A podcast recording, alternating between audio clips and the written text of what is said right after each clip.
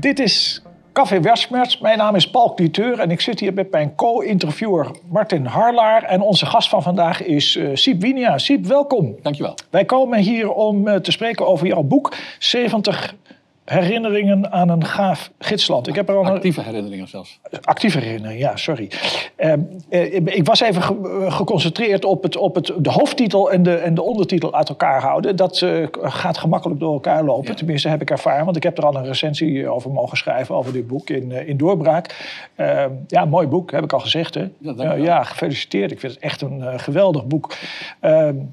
Zeg ik het goed om daar maar even mee te beginnen? Dat het een opvolger is van Tegen de Onzin, ook wat opzet betreft ongeveer hetzelfde? Ja, het, uh, ik heb het in het voorwoord van dit nieuwe boek, ja. heb ik het een mozaïek genoemd. Mm -hmm. uh, uh, een mozaïek waarbij dan wel een zeker patroon ontstaat. Ja. En dat patroon dat heb ik ook nog wat versterkt, omdat ik tientallen stukken speciaal voor het boek heb geschreven. Ja. Juist om dat patroon wat helderder te maken. Ja. Uh, maar het wonderbaarlijke was bij het vorige boek, drie jaar geleden. Ja. Uh, dat bestond ogenschijnlijk ook uit losse stukken. Mhm. En daar heb ik nauwelijks iets bij geschreven. Maar voor mensen, voor lezers, uh, was het toch een samenhangend eh, vertoog, mm bleek. En ik heb de indruk, eerder gezegd, dat dat voor het nieuwe boek ook in belangrijke mate geldt dat de samenhang uiteindelijk toch groter is dan de som, de som der delen, zeg ik het goed. Uh, dus er is meer samenhang dan de auteur van, van de Forum misschien zelf heeft gedacht. Ja, maar ja, ik bedoel, ik, ik ben een beetje verbaasd dat je dat opbrengt. Want ik, ik, ik, zie, ik vind die samenhang eerlijk gezegd overduidelijk in die zin. Ja, ja. De, de, je hebt Sip Winia, die heeft een bepaalde opinie. Op een gegeven moment herken je die.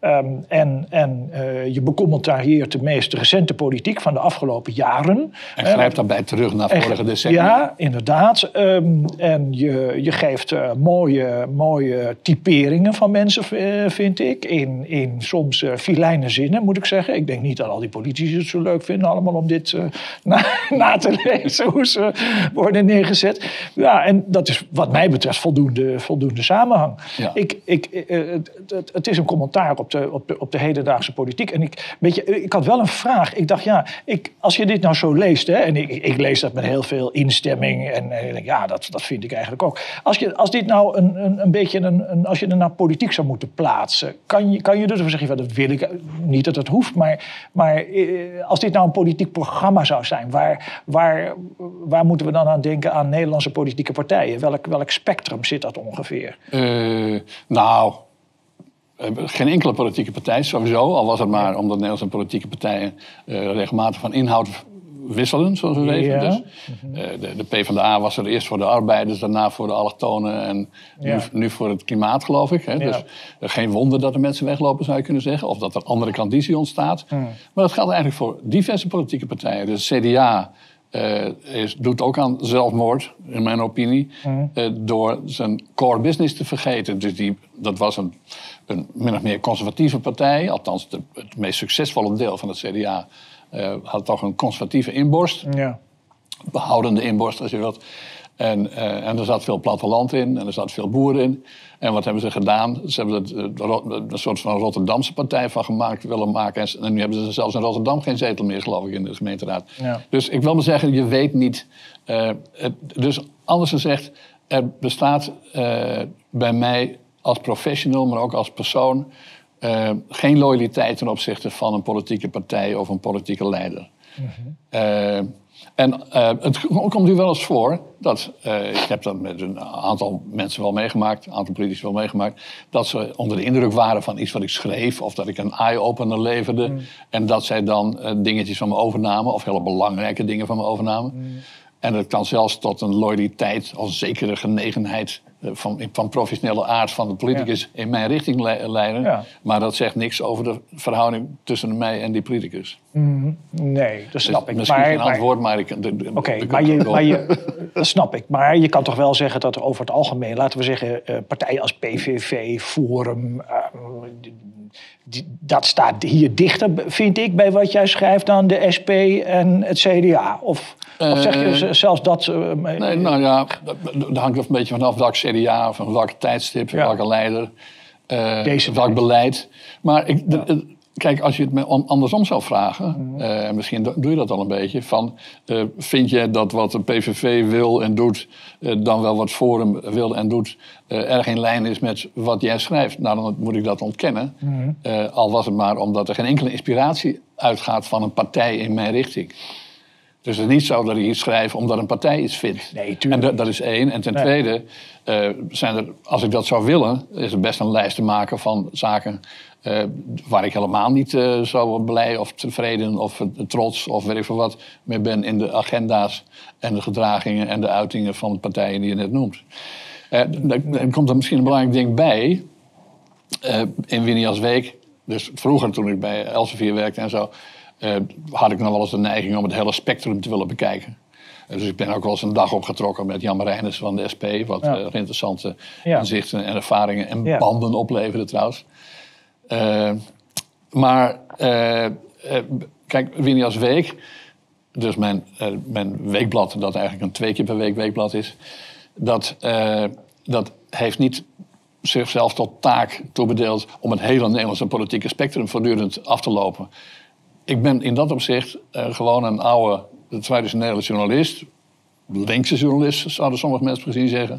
In die zin dat ik de macht controleer. Althans, dat, uh, de macht is een belangrijk uh, terrein van waar Winias Week en mijn eigen stukken zich elke ophouden. En dus waar, tot mijn verbazing, op het Mediapark en bij de grote dagbladen in Nederland de aandacht voor de oppositie groot is. En dan vooral de kleine of de links- of de rechtsoppositie uh, aandacht groot is.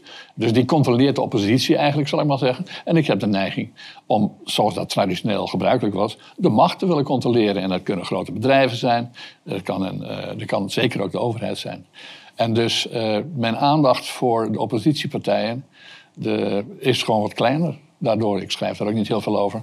En, en, en ook ja. niet zo heel kritisch, omdat ik er niet veel over schrijf.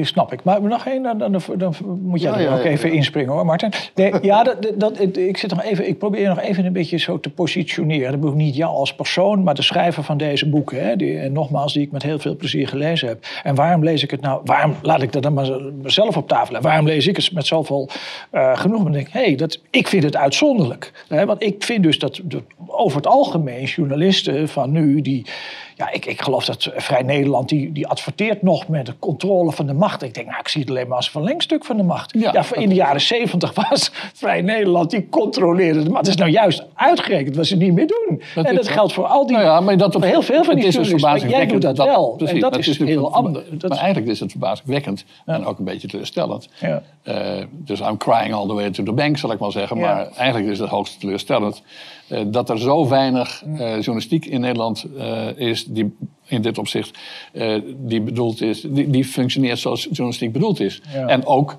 zoals journalistiek vaak zichzelf nog steeds ziet. Ja. Te weten, kritisch en dit en dat. Maar goed, wat ik al zeg, in de praktijk is men altijd vaak kritisch op de oppositie... en nooit kritisch op de regering en op, het establishment. Ja. Terwijl dat wel het zelfbeeld is. Mm. Uh, het is, als je... Uh, ja. Dus dat cover ik ook in dit boek, maar ook in mijn, op mijn website en zo. Uh, sinds, nou, laat ik het anders formuleren. Sinds kort, ik had nooit zin om, om, om, laten we zeggen, aan mediakritiek te doen. Ik denk van, nou, dat laat ik maar aan andere hobbyisten over of zo. Ja. sinds een tijdje doe ik dat wel. En waarom? Om deze precieze reden die je aangeeft. Mm. Als media zozeer onderdeel zijn geworden van de verwezenlijking van de macht en het functioneren van de macht en het niet kritisch bejegenen van de macht, mm. ja, dan wordt het ook interessant om de bewegingen op het mediapark, zoals ik dat hier aan zeg, uh, daarin te betrekken. Mm. En, uh, en uh, nou ja, dat, tegelijkertijd is dat een belangrijke drijfveer mijnerzijds om nou ja, om dit, uh, dit bedrijf, ja. uh, dit, dit, uh, dit, dit, firma op te zetten. Maar het is niet zo dat dat geïnspireerd is door het idee van... nu gaan we eens even fijn Mark Rutte... er zit wel veel Mark Rutte in... maar ja, de man is by far de belangrijkste politicus van Nederland van deze eeuw. Het zou vreemd zijn als ik daar niet veel aan zou besteden. En bovendien, wat ik een belangrijk criterium vind voor mijn werk is of het van toegevoegde waarde is. Ik hoef niet alles over te tikken wat, wat al in de Volkskrant en NRC en, en de Telegraaf gebeurt. Uh, en uh, de, de kritische bejegening van de belangrijkste politicus van Nederland van de 21e eeuw ja, daar zit heel veel toegevoegde, er zit heel veel ruimte in. Er, er, is één aardige biografie uh, van Rutte, van Peter de Koning van NRC Handelsblad. en voor de rest is dat eigenlijk heel weinig. van wat is de methode Rutte? Hoe komt hij aan de macht? Hoe blijft hij aan de macht? ik ga er weg, als je dit boek van mij leest, dan, dan lees je tussen de regels door ook een soort uh, een, een, soort Rutte-biografie zou je kunnen zeggen. Ja, ja. Ook in aanvullende zin op Peter de Koning, naar mijn eigen idee. Rutte is inderdaad, die komt heel veel, vind ik heel veel terug. Ook andere politici, maar Rutte komt heel veel terug. Die is een hele belangrijke figuur. En ehm, een van de dingen die ik wel dacht, is, is, is die Rutte zo belangrijk en heeft hij ook zoveel macht? Maar misschien moet, voordat ik dat ga uitleggen, nee, moet ik misschien... dan moet je aan mij vragen. Ja, ja, Althans, dat stel ik voor. Nou, ik dacht het even uh, Martin, Jij Martin erin te uh, gooien. Rutte is uh, de machtigste man. Nee, nee. Nou ja, je zei nee, nee. politicus. Ik zeg de belangrijkste politicus van deze 21e eeuw. Ja, ik dacht dat over macht ook had, maar... maar als ik het boek lees, wat, ik heb me heel lang niet met ja. Nederlandse politiek bezig gehouden. Twee dingen vallen mij op. Hoeveel macht er buiten de politiek is hoe dat werkt. En hoe machtig D66 is. Ja. En D66 ben ik in andere hoedanigheid uh, vaak tegengekomen. Uh, wat betreft woke. in 2006 heeft Hans van Mierlo nog gezegd... misschien moeten we D66 opheffen. Hoe zijn ze in hemelsnaam zo machtig geworden? Wat is er gebeurd? Ik heb het niet gevolgd, jij wel. Ja, ja. Nou, maar Sinds 2006, waarom staan ze uh, uh, zo centraal? Waarom bepalen ze zo? Nou, er zijn een paar, een paar redenen en oorzaken voor. Ja. Uh, wat daarbij... dan haak ik nog even in op het vorige thema, te weten Mark Rutte. Ja? Mark Rutte stelt D66 dat toen je staat. Dat we dat voorop stellen. Ja. En, want Mark Rutte, om tal van redenen, maar ook omdat hij het niet zo erg belangrijk vindt wat zijn eigen partij wil Kennelijk vindt hij het belangrijker dat hij zelf weer premier is. En uh, partijen die bereid zijn hem die in die positie te brengen, zoals D66, uh, dan is hij best bereid van het verkiezingsprogramma over te nemen. Dat heeft met het huidige kabinet, Rutte 4, is dat bij uitstek zo. Uh, ik zeg wel eens raillerend, maar het nadert echt wel de waarheid. dat het coalitieakkoord van Rutte 4, dat is nu, wat was het, van december 2021, zegt het goed? Ja dat is, dat is bijna één op één het verkiezingsprogramma van D66. En in sommige opzichten nog haast scherper dan dat. Ja, eh, dus ik geef je gelijk. D66 is, is nog nooit zo machtig geweest als, als die partij ooit was. En loopt ook rond. Mevrouw Kaag loopt ook rond alsof ze de grote winnaar is van de verkiezingen van twee jaar geleden. Terwijl, voor alle duidelijkheid, ze was wel de groot, erg groot in de exit polls.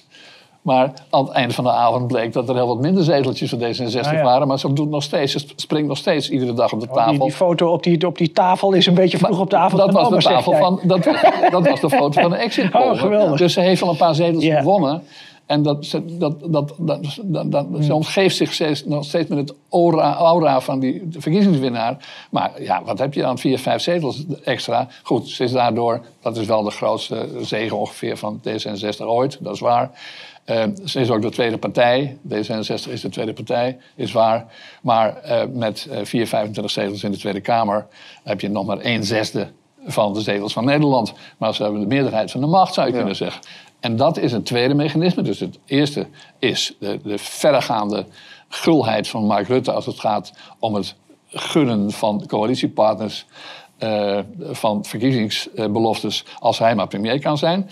De tweede is uh, wat ik noem het, het hefboommechanisme. Ik ben nog steeds op zoek naar een betere term. Maar het hefboommechanisme, dat, uh, dat, de kern daarvan bestaat eruit dat je, door, dat je in verschillende stappen uh, de, de, de macht kunt opleggen aan de rest van het land. Ook al heb je daar niet een meerderheid voor onder de bevolking en zelfs niet in de Tweede Kamer. En het belangrijkste mechanisme daarbij is natuurlijk het coalitieakkoord. Dus je kunt, ook de ChristenUnie, die kan, is een klein partijtje, vijf zetels daaromtrent. Uh, dus dat zijn echt heel weinig Nederlanders die op uh, ChristenUnie hebben gestemd. Maar als ChristenUnie zegt, uh, wij willen per se dat er, op, dat er totale zondagsrust is in delen van het land, ik zeg maar wat. Ja, en dat is het enige wat ze van Mark Rutte wensen. En dan zegt Mark Rutte, dat is goed, want dan heeft hij een meerderheid. Op die manier heeft, heeft D66 tal van programmapunten binnengehaald. En daar gaat nog iets aan vooraf. Ze hebben namelijk heel veel programmapunten overgenomen van GroenLinks. D66 was nooit zo Oh, extreem op het punt Nee, van biodiversiteit en, en klimaat. Dat is pas van betrekkelijk recente datum. Dat is pas van de laatste vijf, zes jaar. En, qua, en stikstof zelfs nog korter. Eh, Dus dat, dat we de stikstofpartij zijn, dat is pas sinds in 2019. Ze hebben dus veel overgenomen van, deze, van GroenLinks. En daar, zit, er zal ook wat strategie bij zitten. Want eh, eh, daardoor kon D66 zich groot maken. Als je, als je als D66 GroenLinks leeg eet... kun je dus op een tafel springen op een verkiezingsavond. ja, ja, ja. Maar dat leidt er dus wel toe dat GroenLinks daardoor onevenredige invloed heeft. Sterker nog, er gaat nog iets aan vooraf. GroenLinks neemt het volledige verkiezingsprogramma over, impliciete verkiezingsprogramma, van, eh, van Milieudefensie en consorten. Ja. ja. Dus Milieudefensie, dat bijna geen eigen inkomsten heeft, heeft wel wat leden of wat donateurs, maar bijna geen eigen inkomen, inkomsten heeft, volledig wat gerund eh, door de postcode loterij en door subsidies van de overheid. Die dicteert het verkiezingsprogramma, eh, het eigen verkiezingsprogramma aan GroenLinks. Eh, GroenLinks, het GroenLinks verkiezingsprogramma wordt overgenomen door D66. D66 zegt tegen Rutte, en op voorwaarde dat je dit overneemt, gaan wij in de regering zitten. En zo kunnen wij dus een verregaand, extreem, programma krijgen. Maar voordat we naar die... Want het is heel interessant wat je zegt. En ook heel erg interessant. Die postcode loterij speelt, speelt een belangrijke rol. Ook in jouw boek. Wat ook een belangrijke rol in het, in het boek s- speelt. Wat, wat vaak terugkomt. Dat is de macht van al die actiegroepen. Hè, die die, die, die geen, eigenlijk geen democratische legitimatie hebben. Maar toch erin slagen om hun wil op te leggen. Vaak ook via rechtelijke uitspraken. Maar voordat ik daar naartoe ga. eh, er is één ding... ehm, waar ik een beetje bij blijf hangen in je boek en ook in, in, in, in, in eh, de wijze waarop je nu de, dat verwoordt. Kijk, je zegt ergens, ik weet niet helemaal precies, en misschien zit het wel, in het, he- eh, zit het wel door het hele boek heen. Kijk, die, het allerbela- allerbelangrijkste voor de huidige premier, voor Mark Rutte, dat is dat hij, dat hij, dat hij op de bok blijft zitten. Hij, en of die, of, die, of die huifkar naar links gaat of naar rechts gaat, het lijkt hem, het lijkt hem allemaal niet zoveel uit te maken. Maar één ding, kleine kanttekening daarbij. Wat hij zich wel realiseert, is dat als je op de bok zit, het merendeel van de besluiten die je neemt, die sta- staan helemaal niet in het coalitieakkoord. Ja. Die neem je terwijl je Ja. op die bok zit. Ja, ja. dus, dus, dan kan je toch op de, op de een of Nou andere manier, eh, op, een beetje in het schemaduister kan je dan dan toch in ieder geval, dan kun je in ieder geval het spel van de baas spelen, kun je spelen. Ja, ja, ja. Ja, Dus in die, daar zit een beetje zijn macht in. Terwijl, ehm, terwijl ik dus... Nou, en het gunnen van de macht aan anderen. ja, Maar niet het verkiezingsprogramma van, van VVD. Nee, dat, nee, niet- dat, verdwijnt, niet dat dat, er- verdwijnt op de avond van de verkiezingen. ja, maar het is ook, ook, ook wel heel gruwelijk, toch, denk je. je, je- ja. Klassiek denk je van, ja, je, als politicus heb je macht als je erin slaagt Nee, om andere is, mensen het is ook buitengewoon alle- ernstig voor het functioneren van de democratie. Ja. de democratie, eh, die, die gaat ervan, en de parlementaire democratie en zonderheid, die gaat uit van de veronderstelling dat, daar de, de, dat, de, dat, dat we uiteraard minderheden respecteren, maar dat de, de, de wens van de meerderheid toch doorklinkt in wat het parlement doet en, eh, en, en wat, waar het parlement de regering toe in staat stelt. Maar via de methode Rutte, die, eh, die ook het hefboommechanisme, waar het hefboommechanisme deel van Ja, uitmaakt, ja. ja, is, zitten er dus allerlei filters Ja, en zijpaden, Ja. eh, zij, voedings, dat, routes van buiten eh, in dat parlementaire proces, die helemaal niks te maken hebben met de parlementaire democratie zoals de parlementaire democratie bedoeld is. En, en, en Mark Rutte die, eh, die is daar wel degelijk ook zelf een factor in. Door, gewoon, door alleen maar geïnteresseerd te zijn in het op de been houden van de coalitie die hij bij elkaar fabriekt. En, eh, en daardoor, en de mensen die bereid zijn hem eh, de leiding te geven van die coalitie, eh, bijzondere voorrechten te gunnen, die voorbij gaan aan wat, we, wat je de wens van de meerderheid van de bevolking zou kunnen noemen. ja. Dus het toelaten. Dus je ziet op alle grote terreinen dat, dat, dat dat doorweegt. Dat de, dat de rol van de burger en zelfs de rol van de volksvertegenwoordiger. Eh, dus de vertegenwoordiger van die burger. eh, dat die leidt onder de mechanismes die we in een Rutte-tijdperk een dominant zien worden. Wow, maar dat is dan toch eigenlijk ook heel, heel eh, ernstig wat je nou aan de orde stelt. In de zin van, van moeten we het dan zo, zo verstaan hoor. Ik probeer nu gewoon een beetje Socratische vroedvrouwkunst bij jou een beetje eruit te trekken. Wat er, wat er impliciet in zit en wat ik ook hoor zeggen. Maar, maar wat ik dan nu ga proberen nog wat pregnanter te formuleren. Is het dan niet eigenlijk zo dat, dat, dat, dat Sip Winia toch een, een moeite heeft met het feit dat de bevolking en ook de volksvertegenwoordiging eigenlijk steeds minder greep lijkt te krijgen op, op het politieke proces. Zeker is dat. Hè? En dat vind ik nogal wat. Hè? Wat, ook, wat ook, dat erg is toch heel wat ook ernstig? erg is dat het niet wordt waargenomen en niet Ja. ernstig wordt gevonden. Ja, klopt. Dus ik, ik vind het eigenlijk heel erg dat ik een van de, weinigen ben eh, Ja. die dit mechanisme eh voortdurend benadrukt. Ja. Eh, er, bes- bestaat al een analyse daarvan. Mm. Er wordt nog voortdurend, en die analyse die heet versplintering. Ja. Dus, maar dat gaat voorbij aan, het, aan de oorzaken. Dus men zegt dan dat het Mm. heel erg is dat er veel kleine partijtjes in de Tweede Kamer zitten. Ja, hoe komt dat? dat al die nieuwe partijen, al die kleine partijen, eh, en die vaak inmiddels grote partijen, dat zijn niet zomaar partijen. Nee, dat zijn partijen die afgesplitst zijn, die zijn Ja. afgesplinterd zijn van de grote machtspartijen. Die machtspartijen, of de traditionele machtspartijen, eh, die niet leveren wat ze zouden moeten leveren. Ja. Die niet beantwoorden aan de verwachtingen van de kiezers, van hun kiezers. En dus gaan de kiezers ergens anders heen, of politici in die partijen gaan ergens anders heen. En dus heeft Mark Rutte, eh, klaagt hij erover, en, en sommige eh, partijen die altijd willen regeren, die klagen erover dat, dat het beter is, dat we een kiesdrempel moeten hebben en dat soort dingen. Maar dat is het paard achter de wagen spannen. Dan los je het probleem niet op. Nee, je moet ervoor zorgen dat, je, eh, dat de parlementaire democratie werkt zoals die hoort te werken. Namelijk dat je in ieder geval enigszins in de geest van de meerderheid van de bevolking denkt, in het belang ook van de meerderheid van de bevolking. En dat betekent dus dat je op centrale thema's, eh, noem het klimaat, eh, tenminste dat zijn niet per se de centrale thema's, maar dat zijn centrale thema's geworden. Dat wel, vijf, zes jaar geleden bestond het woord klimaat nog niet in het, Nee. in de- op het voortoneel van de politiek. Nee. Eh, maar er zijn dus minderheden die hebben allerlei thema's naar voren ge- gedouwd. En die zitten daar een beetje de macht uit te oefenen. Eh, terwijl het helemaal niet in de geest hoeft te zijn van wat de meerderheid van de bevolking zou willen. Of zou willen dat het de Tweede Kamer mogelijk maakt. Maar is En, dit... en, en één dingetje nog als het Ja? mag. Eh, en kijk, in- wat ik zei, mijn journalistiek is geen, eh, is geen ideologische journalistiek. Maar als er één element wel ideologisch is, dan, dat, dan is dat ik het belang van de Nederlandse burger. Eh, dat ik dat centraal stel. dat en lijkt me heel belangrijk. En dat, en dat is- schijnt heel bijzonder te zijn. Ja, dat is bijzonder, Een kleine illustratie Ja. daar nog van, en daarna hou ik even mijn mond. De, de ombudsman, de huidige ombudsman, die, eh, die gaf eh, een jaar of drie geleden een lezing. Eh, dat, nou ja, we zaten in de forums, hij en ik en nog een paar mensen. En toen vertelde hij tot mijn, tot mijn verbijstering... eh, dat hij eh, uiteraard veel bij ministeries langs ging... en met de top van de ministeries, de DG's, de SG, de minister en de staatssecretaris sprak. En dat altijd, als de ombudsman daar begon over de burger... dan bleek dat ze daar een beetje lastig gewoon te draaien. En dan zeiden ze van, de, ja, we moeten het wel over de burger. Kunnen we niet beter spreken over de consument? Ja, ja. Dit is natuurlijk, dit is denk ik een hele democratisch. Nee, maar dat is dus een hele belangrijke waarneming. Ja, ja. Eh, misschien nog belangrijker dan de ombudsman zichzelf realiseerde. Ja, ja, Maar ja. hoe zouden we eruit kunnen komen? Zijn er...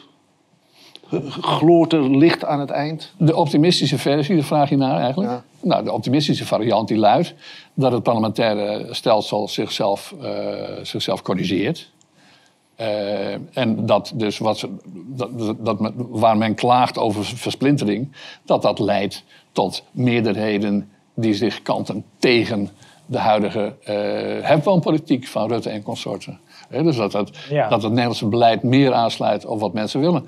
Dat, dat, dat, we niet, eh, eh, dat als eh, Nederland overlopen wordt door asielzoekers die van de Middellandse Zee helemaal deze kant op komen en dan zich melden in Terapel en daar in het gras gaan liggen, dat dat gezien wordt als een probleem van, van opvang in Terapel. Nee, dat het gezien wordt als een probleem van de asielzoekerspolicy van Nederland en Europa. ja. En, dat Jij is, en, ik, daar is een, en daar is een meerderheid voor. Wat zei? Ik zeg jij of ik? Jij- jij mag nu weer. Oké, nou, Jij zit vol vragen, zie je. ja, ik zit vol vragen. Maar, maar ik ben ook heel erg geïnspireerd hoor, door het eh, boek van, eh van Siep. Heel Oh, dan ga je mijn vlieg afvangen. De, als ik niet veel vraag... Ik heb twee hele belangrijke vragen. Oké. Hoe komt D66 aan zijn macht? En vertel eens Heb ik wat... een poging eh, Ja, ja, nee, dat zeg beantwoorden. en, vooral de macht buiten. Straks wil ik het horen over Boudewijn Poelman. Nou, Ja, die gaan we ook gaan we doen. Maar eerst nog even over. Kijk, ik, dus de, de, de, de 70 actieve herinneringen, die, dat, dat zie ik. Het een beetje, de ondertitel kan ook zijn ehm eh, eh, chroniek van, van democratisch verval of zo. Dat zoiets. Uh, en, en als je het tussen de regels doorleest, dan is het één lange illustratie van, van, het, van, het, van, het, van het onvermogen van de burgers en ook de vertegenwoordigers van de burgers om bepaalde um, uh, dingen te realiseren. Zoals beperking van migratie bijvoorbeeld.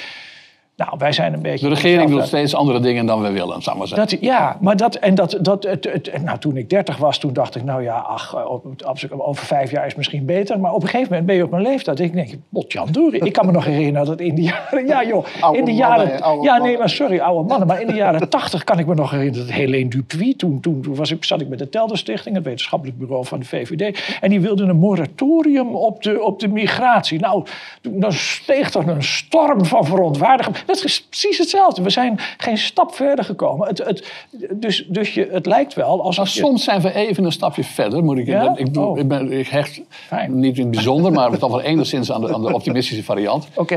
We hebben natuurlijk eh, eh, gezien dat in 2002 Pim Fortuyn eh, zomaar premier had kunnen worden. Nou ja, was hem nooit gegund, denk ik. Maar, eh, en, maar in ieder geval, de, de, de korte politieke carrière van Pim Fortuyn heeft wel degelijk iets opgeleverd. Namelijk dat het de eerste twee kabinetten Balkenende eh, toen echt vrij stevig hebben ingegrepen, met name in het huwelijksmigratiebeleid. En dat was op dat moment, toen was het niet, ging het niet zozeer over de asielzoekers.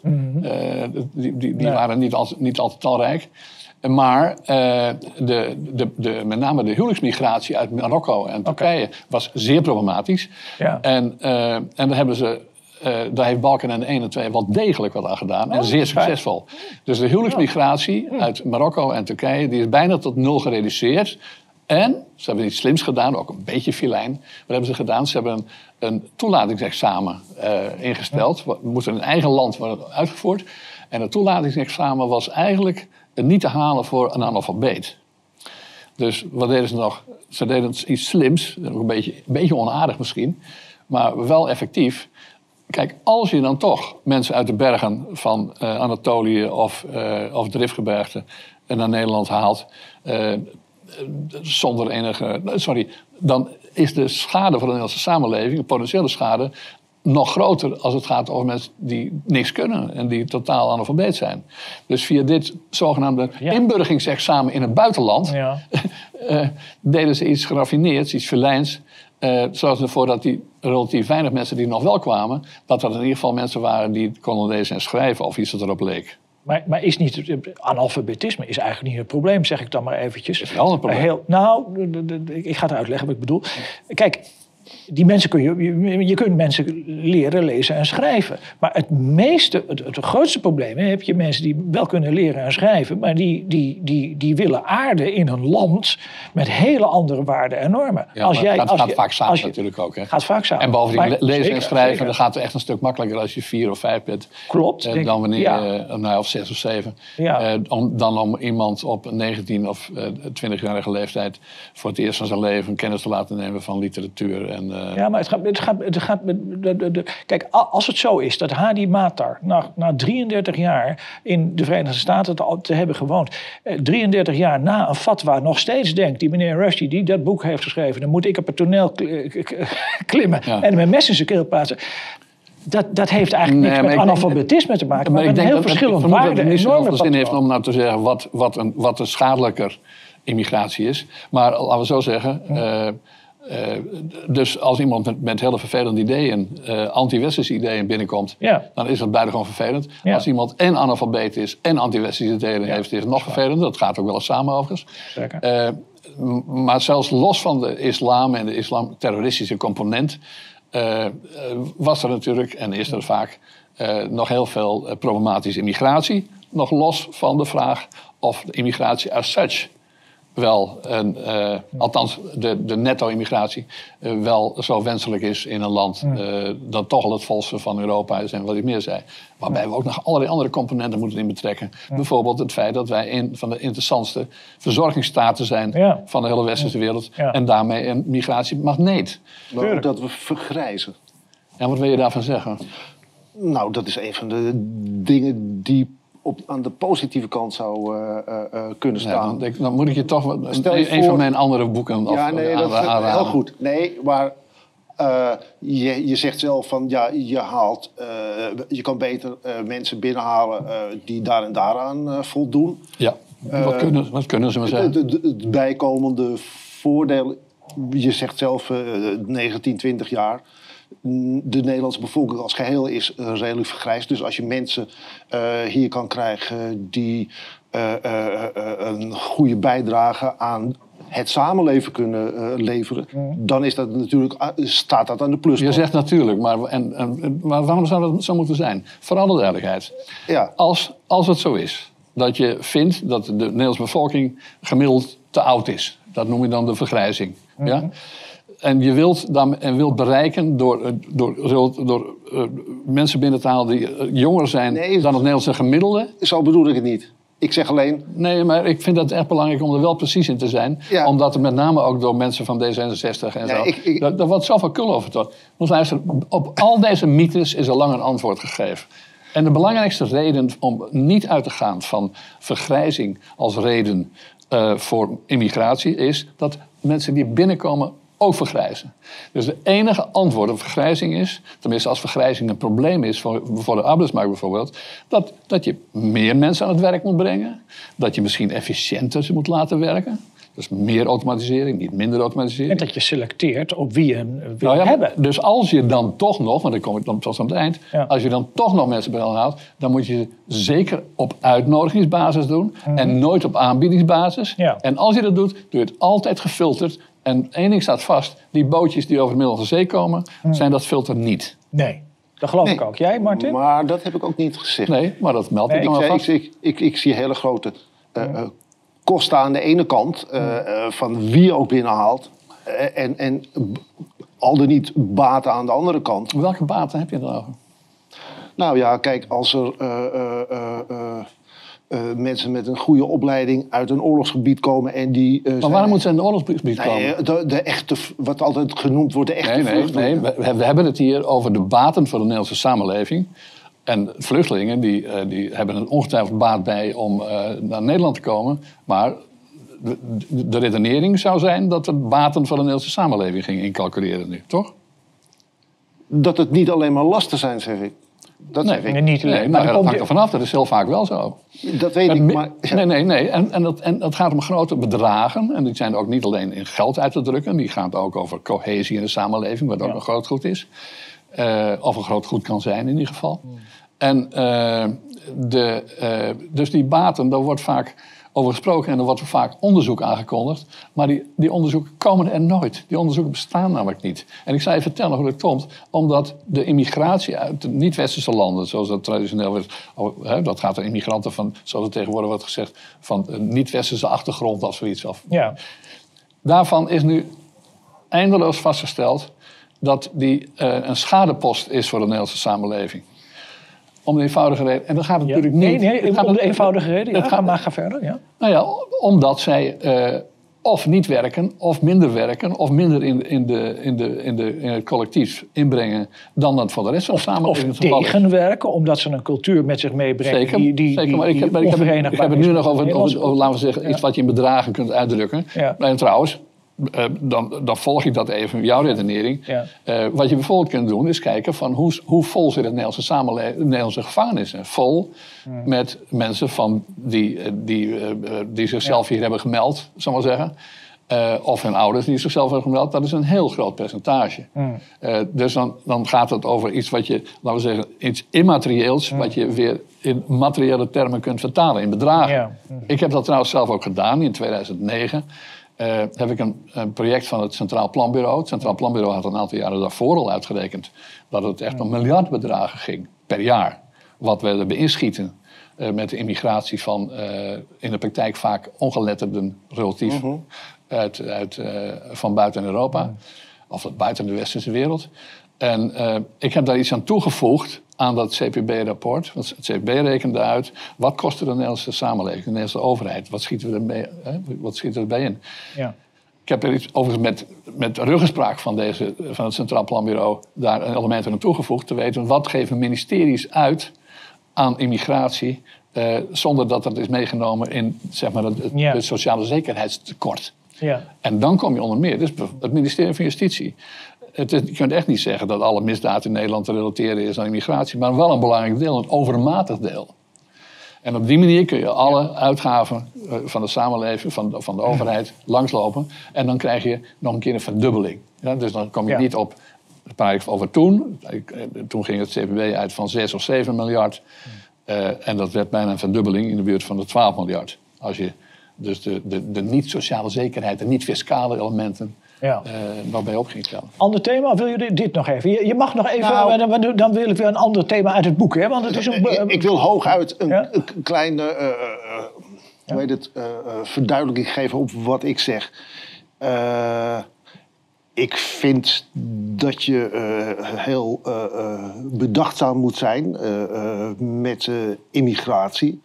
Eh, maar ik zit dan als linksmens eerder nog op de lijn, tenminste zoals hij het eh, presenteert van Bart de Wever, die op zich eh, wel is voor eh, goed opletten, strenge criteria, maar dan ook duidelijk maken van wat men hier aan rechten en plichten kan verwachten Ja, en wat de waarden zijn. Precies. Maar als je, als je, zo, als je zo'n nadruk legt op je, op, op links, op je links, linkse mens zijn. nou, ik zeg maar. ik zou je zeggen, als linkse mensen die zouden bij uitstek. eh, zoals dat trouwens in het begin ook het geval was. Laten we niet vergeten. Toen in Nederland de grote eh gastarbeidersstroom kwam in de tweede helft van de jaren 60. de Partij. Toen waren het linkse partijen en linkse vakbewegingen die om hele goede redenen, om de beste redenen die je kunt bedenken, daar tegenstander van waren. En en waar- waar- waarom waren ze daar tegen? Omdat Ja. die arbeiders die, eh, die werden gastarbeiders, zoals het toen werd genoemd. Eh, en dat dacht men ook nog dat het gastarbeiders waren. Eh, toen bleek dat ze bleven, maar een ander verhaal. En die werden binnengehaald als concurrentie van de bestaande arbeiders. En, dus, en dat, Ja, dat mechanisme doet er nog steeds Ja, voor. ja. Kijk, waarom gaan wel, eh, het, eh, welvarende, hoogopgeleiden in Nederland... maken zich daar doorgaans niet zo druk over. Laten we zeggen de D66 achter en zo. Eh, ja, waarom? Omdat het de lonen van het personeel laag, laag houdt. Omdat je een groot arbeidsaanbod hebt. En omdat ze er zelf niks van merken, want ze komen niet in hun buurt te wonen. Eh, en, ze, en, ze kunnen, en ze kunnen nog een beetje een soort, een soort eh, links eh, idee van de multicultuur. Dus wij zitten allebei nog een beetje op, eh, op, op, op de lijn van links toen, in de jaren 60. Nou, als je, daar, als je mij om die reden links wilt noemen... dan- nee, maar we zitten op die lijn van Nee, links ik zit niet op die lijn, ik zit op, op een, een rationele benadering van politieke vraagstukken en maatschappelijke vraagstukken. En dat was rationeel van de PvdA Ja. van toen. En dat was rationeel van de NVV, FNV van toen. Om te zeggen, we willen die gastarbeiders niet. Oké. Nou ben jij. Oké, nou, nieuw thema. Of nee, niet nieuw, want het zit er al in. Kijk, ehm, eh, ik, ik, ik vind het leuk om toch ook een beetje vragen voortdurend te blijven stellen over het boek zoals ik het gelezen heb, zoals ik het ervaren heb. En ik wil even testen of ik, of ik het goed begrepen heb. Ehm, er is één ding, ook wat het boek wil ik je ook voorleggen. Hè. Op, ik, ik zie hier op pagina 15 heb je zo dat buurtje van jou, of die Blauwburg wel. Eh, Erg leuk, hè? Dus even voor de. Voor de voor, ja. Nou, Grachtengordel, ja. Ik, weet- ik, ik, ik, liep trouwens laatst over die Het is wel Blauwburg. Grachtengordel, Leuk, leuk, leuke buurt. Hè. Soms En- zijn we daar trots op, dan zeg ik het maar gewoon. ja, en dan zie ik. Nou, nou, grachtengordel, ja. en dan zie ik dus daar. Nou heb je Café de Klepel en Pamela Hemelrijk woonde daar. En Voskuil woonde daar. En dan zie ik Paul, Paul Heijnen. En eh, nou ja, daar ben ik zo in kaart.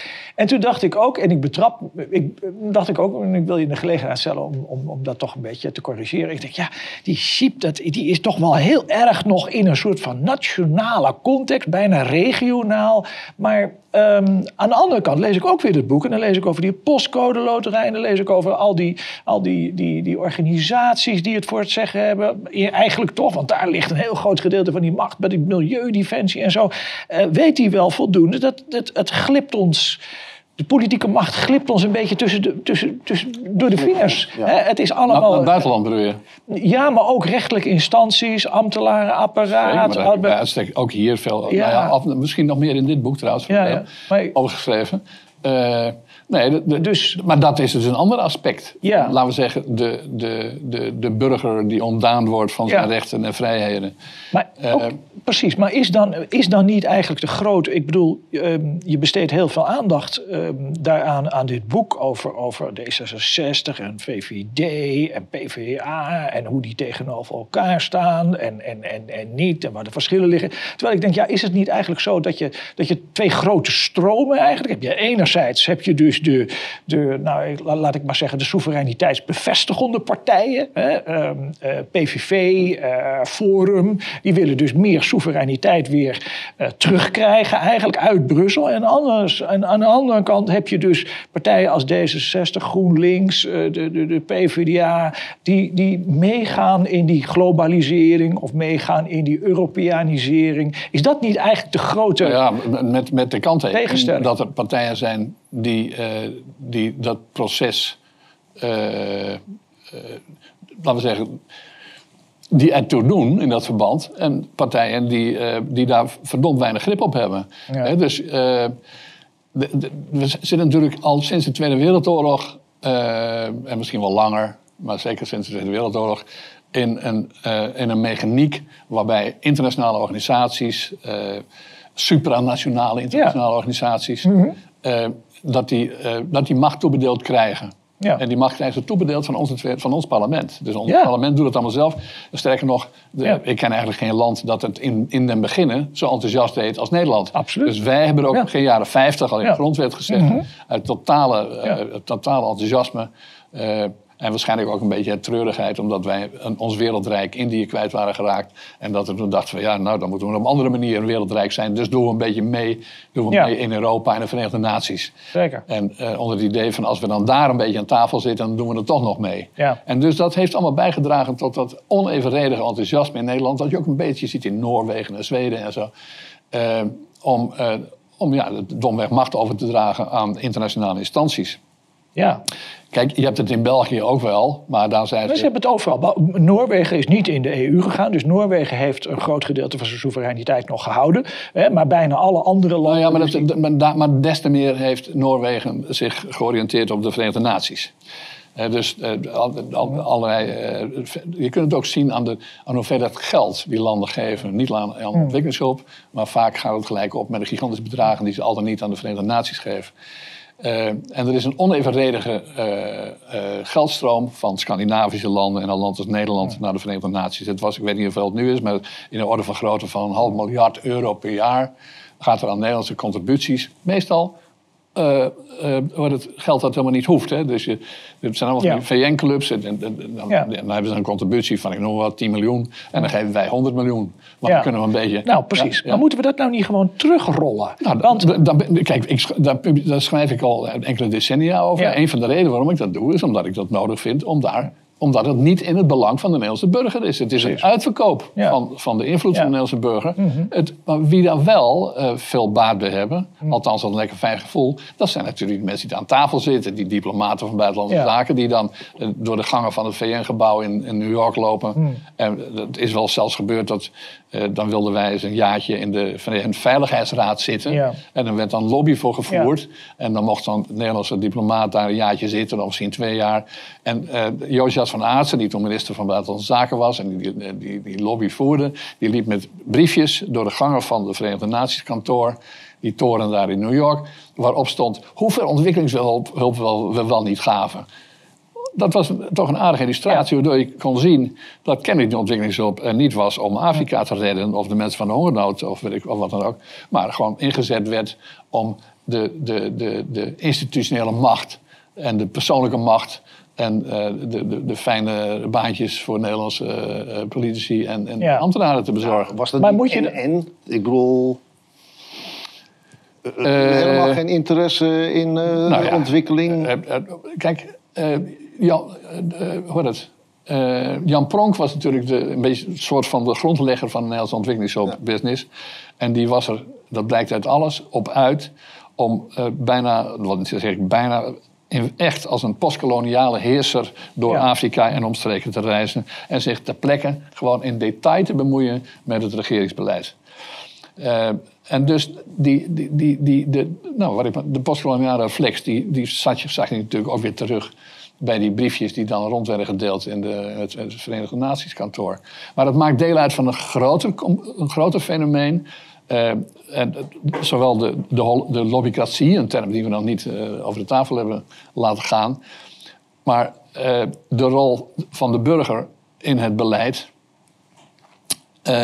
het belang van die burger, wordt ook binnenlands ondermijnd, omdat er allerlei NGO's zijn, zoals het heet, actiegroepen zogenaamd, maar zo actieachtig zijn ze niet. Althans, actie is maar een deel van, van het instrumentarium.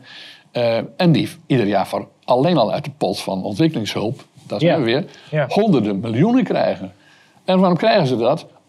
Voor een belangrijke mate voor de beïnvloeding van de Nederlandse geestesgesteldheid. Ik weet er alles van. Ja, dus dat is te gek van woorden. Ja, maar en, en, en, dat punt, wat is, nou, dan, ben, dan maak, rond ik een beetje af, op dit punt. Maar waarom is dat van, van zo'n belang in lijn met de vraag die je stelde? Mm. Uh, aan dit proces, mm. waarbij de, de, macht naar buiten gaat, zonder dat wij daarom gevraagd hebben als burgers. Ja. Bij dit proces, waarbij allerlei clubjes macht wordt toegedeeld, altijd niet samen met rechters, hebben wij ook nooit om gevraagd. Nee. Dan zeg ik, er zijn ongetwijfeld partijen die daar wel tegen zijn, maar die hebben daar nooit uh, iets kunnen bereiken op dat punt. Uh, dus dat, uh, nou ja, dat wordt misschien tijd dan. Nee, dat, dat, snap ik. Mag ik, mag ik nog? Wil, wil, Jij bent steeds... Oh ja, nee, Martin, ga je gang. Nee, ik, ik houd wel vast hij, mijn Hij kwam voorbij daar straks, de postcode, nationale postcode loterij. Ja, maar die doen we straks. Oh, eerst nog even, we doen oh, nee, eerst die super, want die postcode... Nee, ik zit dus even te denken, want ik, ik, ik, ben, ik wil nog even één ding. Ik wil nog een norma, ik wil normatieve conclusies verbinden aan dit, aan dit boek. Ah. Hè. Als ik dit dus, dus nu zo hoor, dan denk ik, ja, dat is eigenlijk een, een, een soort uh, beschrijving van de problemen van supranationale nationaliteit, dit boek. En je zegt, dat, dat, dat, dat, dat valt ons allemaal, het glipt ons, de, de politieke macht glipt ons tussen de vingers eh, door. Daar kunnen we wel een einde aan maken door die supranationaliteit echt expliciet terug te dringen. Door, door gewoon te zeggen, nee, we willen dat niet allemaal, dat er zoveel naar die Europese Unie gaat. We willen niet dat er zoveel naar de Verenigde Naties gaat. Maar dan moet, dat, dat zal hard uh, vechten zijn. En dan moet je een robbertje vechten met partijen die dat eigenlijk best goed vinden. Want D66 zegt het niet zo hard. Maar elke nee, dag, nee, elke, nee, elke dag... Nee, D66 zegt het juist wel. Nou, als er één partij is ja, die het wil, is het D66. Jawel, maar als je tegen... Als je, als je, als je, ik denk zelfs dat als je tegen een D66 zegt... vind je het nou goed dat wij nationale soevereiniteit laten verdampen... en dat we dat allemaal naar, allemaal naar Europa brengen? Zegt nee, nee, zo erg bedoelen nee, nee, maar dan, ook. Dan, Nederland moet, maar, dan moet een onderscheid maken tussen D66-kiezers. Ja. Dan, lopen vaak best wel verstandige mensen rond. Oké, en de... En de ja. En de, D66-traditie en het D66-kader, eh, dat ook vaak werkzaam is in die wereld. dus die, die voelen zich wereldburger, maar ontlenen hun machtspositie overigens gewoon aan hun feit dat ze nationaal opereren. Mm. Eh, eh, kijk, laat ik even vooropstellen, ik ben helemaal niet tegen internationale samenwerking. Ik ben ook zelf. Nee, samenwerking. Maar ik ben zelfs niet precies. tegen, onder, onder zekere voorwaarden, voor, voor, multinationale organisaties, multilaterale organisaties ook. Nee. Maar we moeten wel zien wat we aan het doen zijn. Bijvoorbeeld als je kijkt naar de Europese Unie.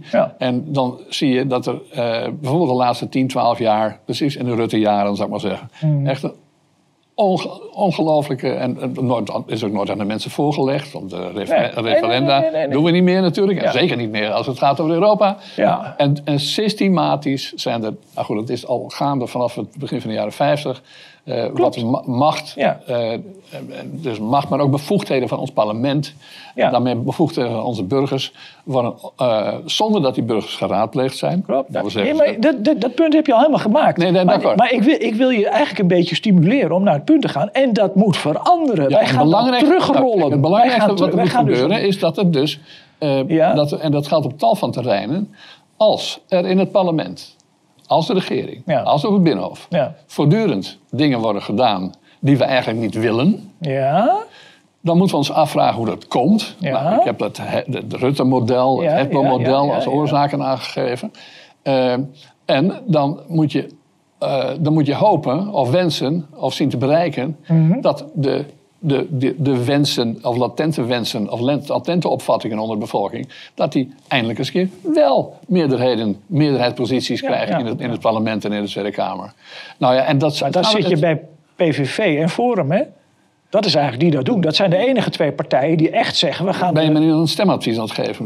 Nee, nou, nee, ik ben, nee, nee, nee, ik ben niet de stem. Ik, ik ben de consequenties aan het trekken van een redenering die je zelf ontwikkelt. Maar je, misschien ga je nog net niet een bepaalde. nee, nee, maar dat, ik ga zeker, springt- een stemadvies geef ik überhaupt nooit. Een Stemadvies doe ik alleen bij referenda. Dus dat heb ik Ja. gedaan ook bij het referendum in 2005.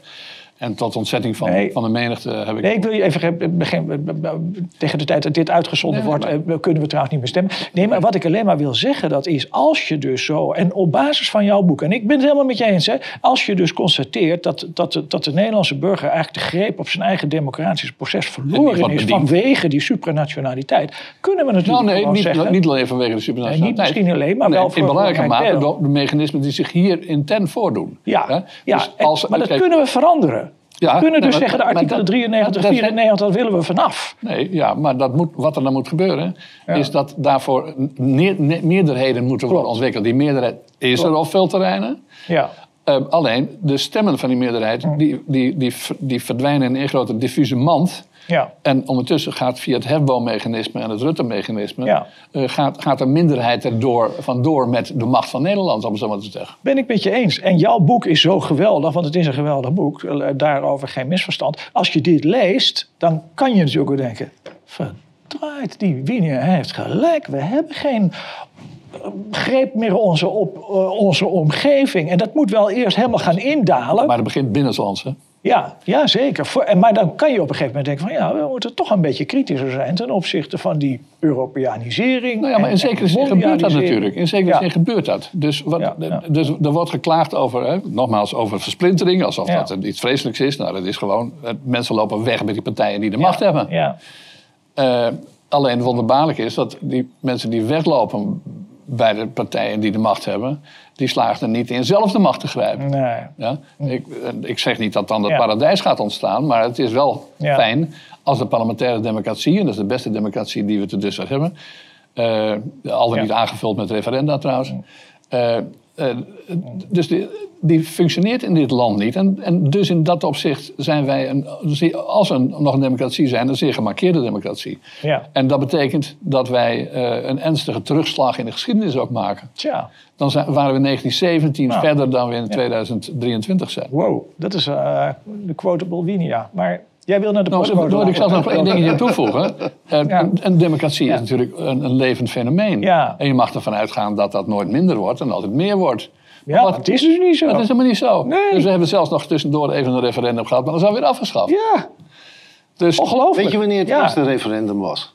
ja, dat weet ik. Wanneer het eerste referendum eh, was? eh, ik zeg het uit mijn hoofd in eh 1798. Nou ja, nee, ik bedoelde eigenlijk van na de Tweede Wereldoorlog, sorry.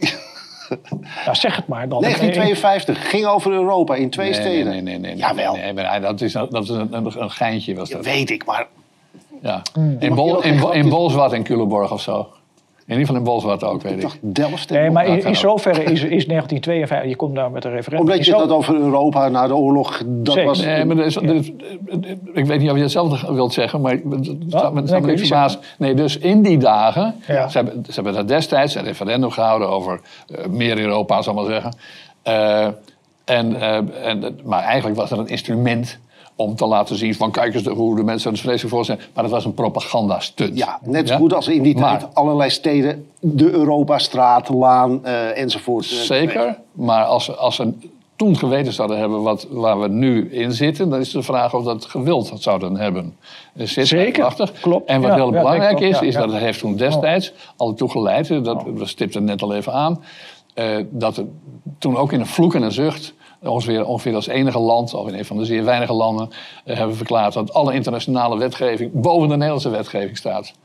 Ja. Daarom zijn we zo gaaf. Artikelen 93, 94 Nou, maar van niet de grondwet. Ja, nee, artikelen 93, 94 van de grondwet. Kunnen we afschaffen. Of, of daar voorwaarden aan gaan verbinden. Dus die kun je eruit halen. Zeker, en je kan weer terugkeren naar Ja. 42 lid 2 van de grondwet. Nou ja, je kunt was dingen doen. Je kunt ook ministers verantwoordelijk. Ja, en, dus en, dan, kunt- en dan ook macht bij die ministers. Hè? Dus, dus ze komen niet uit Davos en, ze, en, en hè, met vliegtuig komen ze terugvliegen. En op de vliegtuig zeggen ja, we hebben er nog eens over nagedacht. Maar we gaan eh, raketten geven daar en we gaan dit doen. En tanks Nou ja, wat, wat natuurlijk van de grote tragiek is, dat er onlangs een, eh, een, een beetje exotische staatssecretaris van D66 Ja. naar eh, eh, naar Luxemburg ging, denk ik dat de ministerraad, de Europese ministerraad vond plaats. En het ging over eh, het creëren van een Europese digitale identiteit. Of daaromtrent. In Ja. prijs kan ik je niet over melden, maar in ieder geval, één ding staat vast. De Tweede Kamer had een motie aangenomen waarin de- staatssecretaris werd verboden om, om, dat, om daarin mee te gaan. En dan, dan, gaat, dan gaan ze daarheen. Gaat, ja. En dan gaan ze gewoon namens de Nederlandse regering en dus de Nederlandse staat en dus Nederland als samenleving Ja. even, eventjes bijdragen aan de ontwikkeling van die Europese Ja. identiteit. En- nou ja, dat, is, dat is zeker niet zoals ze, daar, zoals ze dat in 1952 gedacht hadden in Bolsward. Absoluut niet. Nee, dat denk ik ook. Dat denk ik ook, inderdaad. Ja, ja, ja, ja. Martin, je wilde iets over die postcode lot- loterij, toch? Wie is Boudewijn Poelman? Ik had nooit Oh, van ja. de man gehoord. Ja. Eh, eh, eh, blijkbaar, of ik heb niet opgelet, of hij houdt zich veel buiten de schijnwerpers. Maar als ik jou... Valt wel mee. Nou, dan heb ik niet goed Ja, opgelet. kan- Nou, hij, hij, hij, is, hij is weinig bekend. Eh, Maar ik heb... Maar, niet, maar je kan niet zeggen dat, dat, hij, dat hij totaal onzichtbaar is. Want hij staat bijna altijd eh, voor op de foto. Als er weer ieder jaar een paar honderd miljoen eh, euro uit de potten van de Nationale Potlood Ja, ja, wordt dat- uitgedeeld aan natuurmonumenten. kan ik me voorstellen. Maar wat is, de, Maar- wat is de betekenis van die postcode loterij voor de Nederlandse politiek? Dus dat Ja, ja. moet je de korte samenvatting zal ik geven. Barbara Ja. Poelman is, is een van de oprichters, maar eigenlijk de belangrijkste oprichter van die postcode loterij. Dat mechaniek van die postcode loterij laat ik even voor wat het is. Maar in ieder geval is, een, hij is een succesvolle zakenman. Dat heeft, een slim ideetje was dat. Ja. Eh, eh, een beetje ge- ge- gebaseerd op het idee dat mensen het heel vervelend vinden dat de buren eh, miljonair worden en zij zelf niet. Ja. Dus het is eigenlijk afgunst en jaloezie, als Ja. dat niet hetzelfde is, Ja. die deze zogenaamd idealistische potloodloterij eh op de been houdt. Ja. Enfin, de- wat hij gedaan heeft, die Polman, erg slim, is een, een deal maken met Joop van den Ende.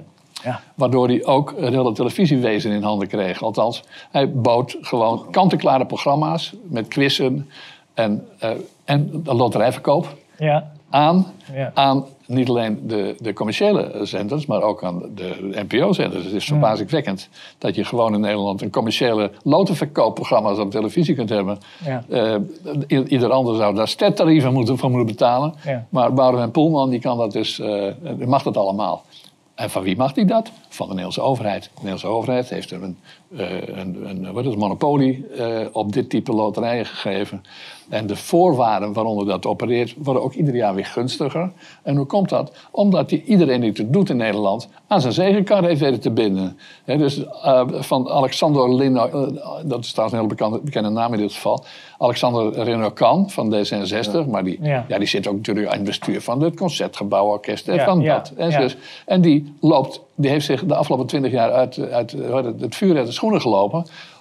Om de belangen van Boudewijn Poelman en zijn loterij te dienen. Want zijn clubjes die krijgen ook weer geld uit die grote mand. Nou, wat is er nou eh, dat dit monopolie op deze manier bestaat? Is, eh, is veel op aan te merken, laat ik het zo zeggen. Ja. Maar wat ook een heel interessant en, eh, en vervelend aspect is, is dat die Poelman dat geld wat hij binnenhaalt voor die zogenaamde idealistische loterijen, dat hij ook zelf mag bepalen aan wie hij dat geeft. Dat geeft hij bijvoorbeeld eindeloos aan Milieudefensie. Ja. Een club die weinig aanhang heeft, maar wel eh, eh, overal rechtszaken tegen de staat en tegen de, de, de, de Shell en weet ik veel wat. Een van die clubjes is ook Urgenda. Urgenda bestond uit twee mensen. Een stichting met twee, mensen. Mevrouw Minnesma en meneer Rotmans. En, eh, en die hebben gedaan als ze, alsof ze zich namens de Nederlandse, het, het algemeen belang van Nederland optrad. Dat is een verhaaltje op zich, dat kunnen we zo meteen nog uitleggen. En in ieder geval, de rechter die heeft gezegd...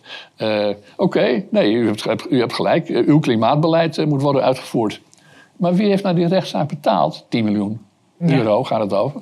Ja, dat is een rechtszaak die heeft... Postcode loterij. De postcode loterij, Ja. meneer Poelman. Ja. Dus meneer Poelman... zei, je subsidieert je Die eigen zit- ondergang.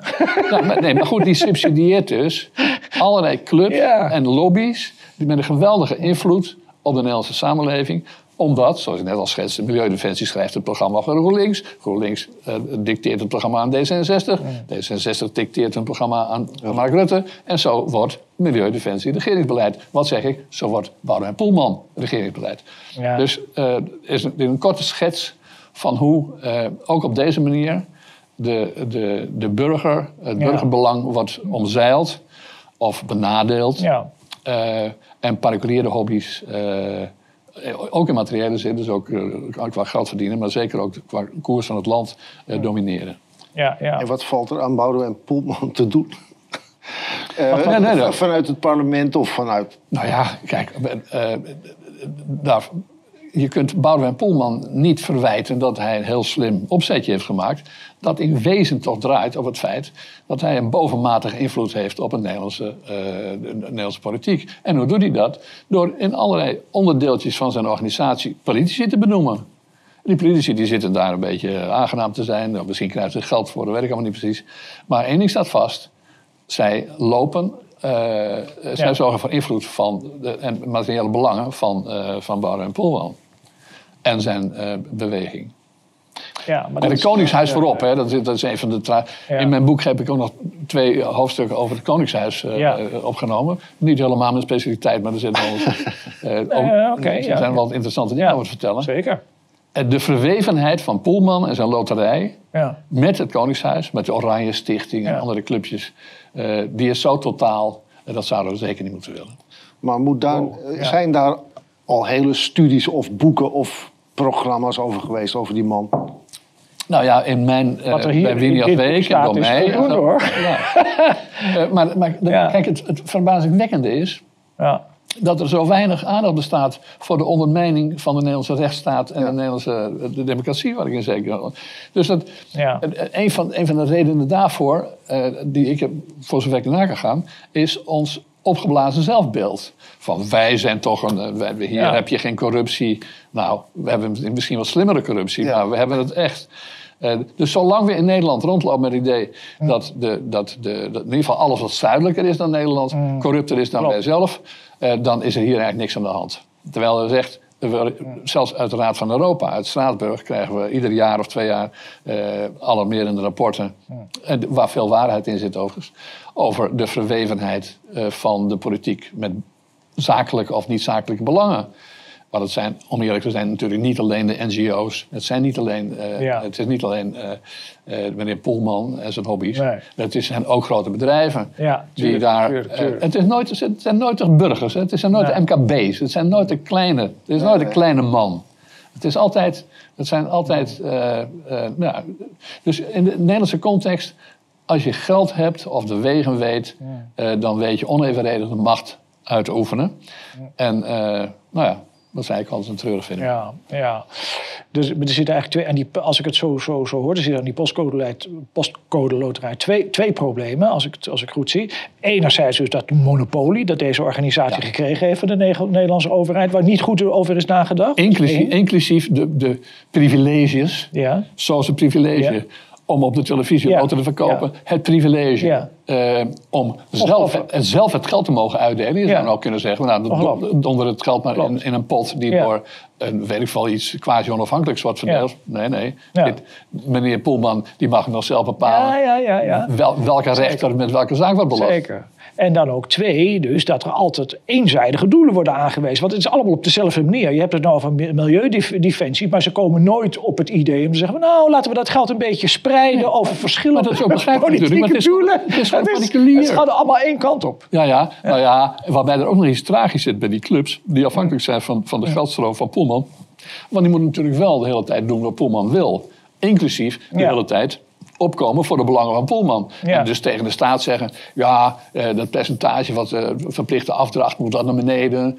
Uh, er moet geen concurrentie komen. Ja, ja, Snap je? Dus het, het, het, zit op een verraderlijke, bijna mafioze manier in elkaar. We moeten Polman uitnodigen hier. Ja, dat lijkt me een goed idee. Maar ik denk niet dat ik heb zo vaag het idee dat hij niet gaat komen. Ik wel. Dat, is, is een macht. Hij, hij, doet hetzelfde en als hij dat doet, dan heeft hij natuurlijk uh, gewoon het monopolie. Ja, we hebben net van Siep gehoord trouwens voor deze uitzending dat we moeten ook de aandacht van de, van de kijker niet overschatten en het ook niet al te lang, lang maken. Maar, maar misschien moeten we toch nog jou in de gelegenheid stellen, als je het goed vindt, Martin. Martin. Um, is er nog één ding wat je nog even kwijt wil of zo? Over, waarvan je denkt, nou, er is nog één, één statement wil ik... d- Nou, je, dat- je boek voldoende geprezen? Ik vind van wel, ik vind het een geweldige boek. Ja, ik, ik, heb zou natuurlijk zeggen dat dat nooit terug kan. Maar, eh, eh, maar ik laat het wel graag aan een ander over. Oké, nou, dan ga ik straks nog Eh, mijn best doen. Nou ja, misschien een beetje onverwacht, maar ik, ik denk dat het misschien nog wel aardig is om toch nog precies, juist op dit moment, Ja. dat element van de Koningshuis er toch bij te halen. Dat is niet, nogmaals, het is niet zo heel erg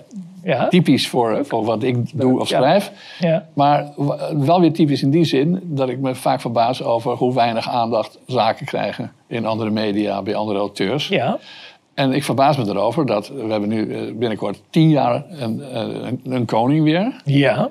En eh, ik lees nooit ergens iets. of hij dat goed doet, of er dingen veranderd zijn, of het Nee. veranderd zou moeten worden. Eh, in het boek sch- schrijf ik in die twee hoofdstukken die erover gaan, er wel een paar dingen over. Ja. En, eh, en dat is bijvoorbeeld, dat eh, naar mijn indruk, de rolverdeling tussen de, de koning en de premier totaal anders is geworden. Dus op Ja. Beatrix kun je zeggen, Beatrix die zat er zeker na verloop van tijd, maar die begon wel een beetje als een baasje al hoor. Ja. Maar, dus die had met Van Acht te maken. Tweede Wilhelmina werd dat. Ja, ja. Dus, dus van Acht had ze, daar begon ze natuurlijk mee. Nou, van Acht had ze er geen hoge pet van op. Ja. Maar na verloop van tijd is er iemand die krijgt dan het voordeel van, zoals de Fransman dat noemt, de longue durée. Ja. Dus je zit er lang, je bent een instituut. eh, alle anderen zijn passanten en jij niet. Nu is het precies andersom. ja. Het karakter van Willem-Alexander is wat anders. Eh, Willem-Alexander is ook minder politiek, naar mijn stellige overtuiging. Ja. Eh, Ja. Je zag, kijk, Beatrix werd politieker naarmate ze er langer zat. Ja. Dus al die dingen van ontwikkelingshulp is toppie, de multiculturele samenleving is toppie en al dat soort dingen. En islam is ook, eh, is ook wel aangenaam, hè, dat vond ze dan. Eh, al die dingen, die, dat was misschien geen probleem in de jaren negentig. Maar dat werd wel een probleem in de 21e eeuw. Althans, dat werd een politiek thema. Ja. Dus ze, ging, de- ze trad echt buiten haar bevoegdheden. ja. Eh, maar dat heeft... Liet Lubbers ook gebeuren trouwens. Die, die gaf daar ook wel, eh, die vond ook maar. de, de, de, ja. Ja, maar het, de, ernstigste fase eh, van, van, laten we zeggen, buiten haar boekje gaan... speelde zich af in de Balkan in de tijd. Ja. En die twee die lagen elkaar niet, dat kun je gerust zeggen. Eh, en Balkenende heeft, heeft best een keer een paar aardige dingetjes gedaan... ter beperking van haar macht. Maar in ieder geval, zijn, bij kerstboodschappen en zo trok ze er helemaal niks van aan. Dus wat de meest politieke koningin sinds Beatrix, inderdaad, Ja. zeggen. Maar dat, wat heeft het, dat heeft ertoe bijgedragen... eh, die, we zeggen, die machtsrol van Beatrix... dat eh, Willem-Alexander het met minder moet doen. Niet dat hij het heel erg lijkt te vinden... Maar het is ook echt een stuk minder. We hebben nu een andere figuur die je de longue durée kunt toedichten. En dat is de minister-president. Ja, ja, ja, Ja? ja, ja. Dus eh, wat hebben wij. Het, het zou onder Beatrix ondenkbaar zijn geweest. als zij met een vliegtuig uit Griekenland terug was gekomen. en dat ze dan vervolgens op de buis. samen met haar prinsgemaal. eh, had gezegd: Nou, dat nooit wat te doen, dat is een schandaal. enzovoort. Dus we hebben daar.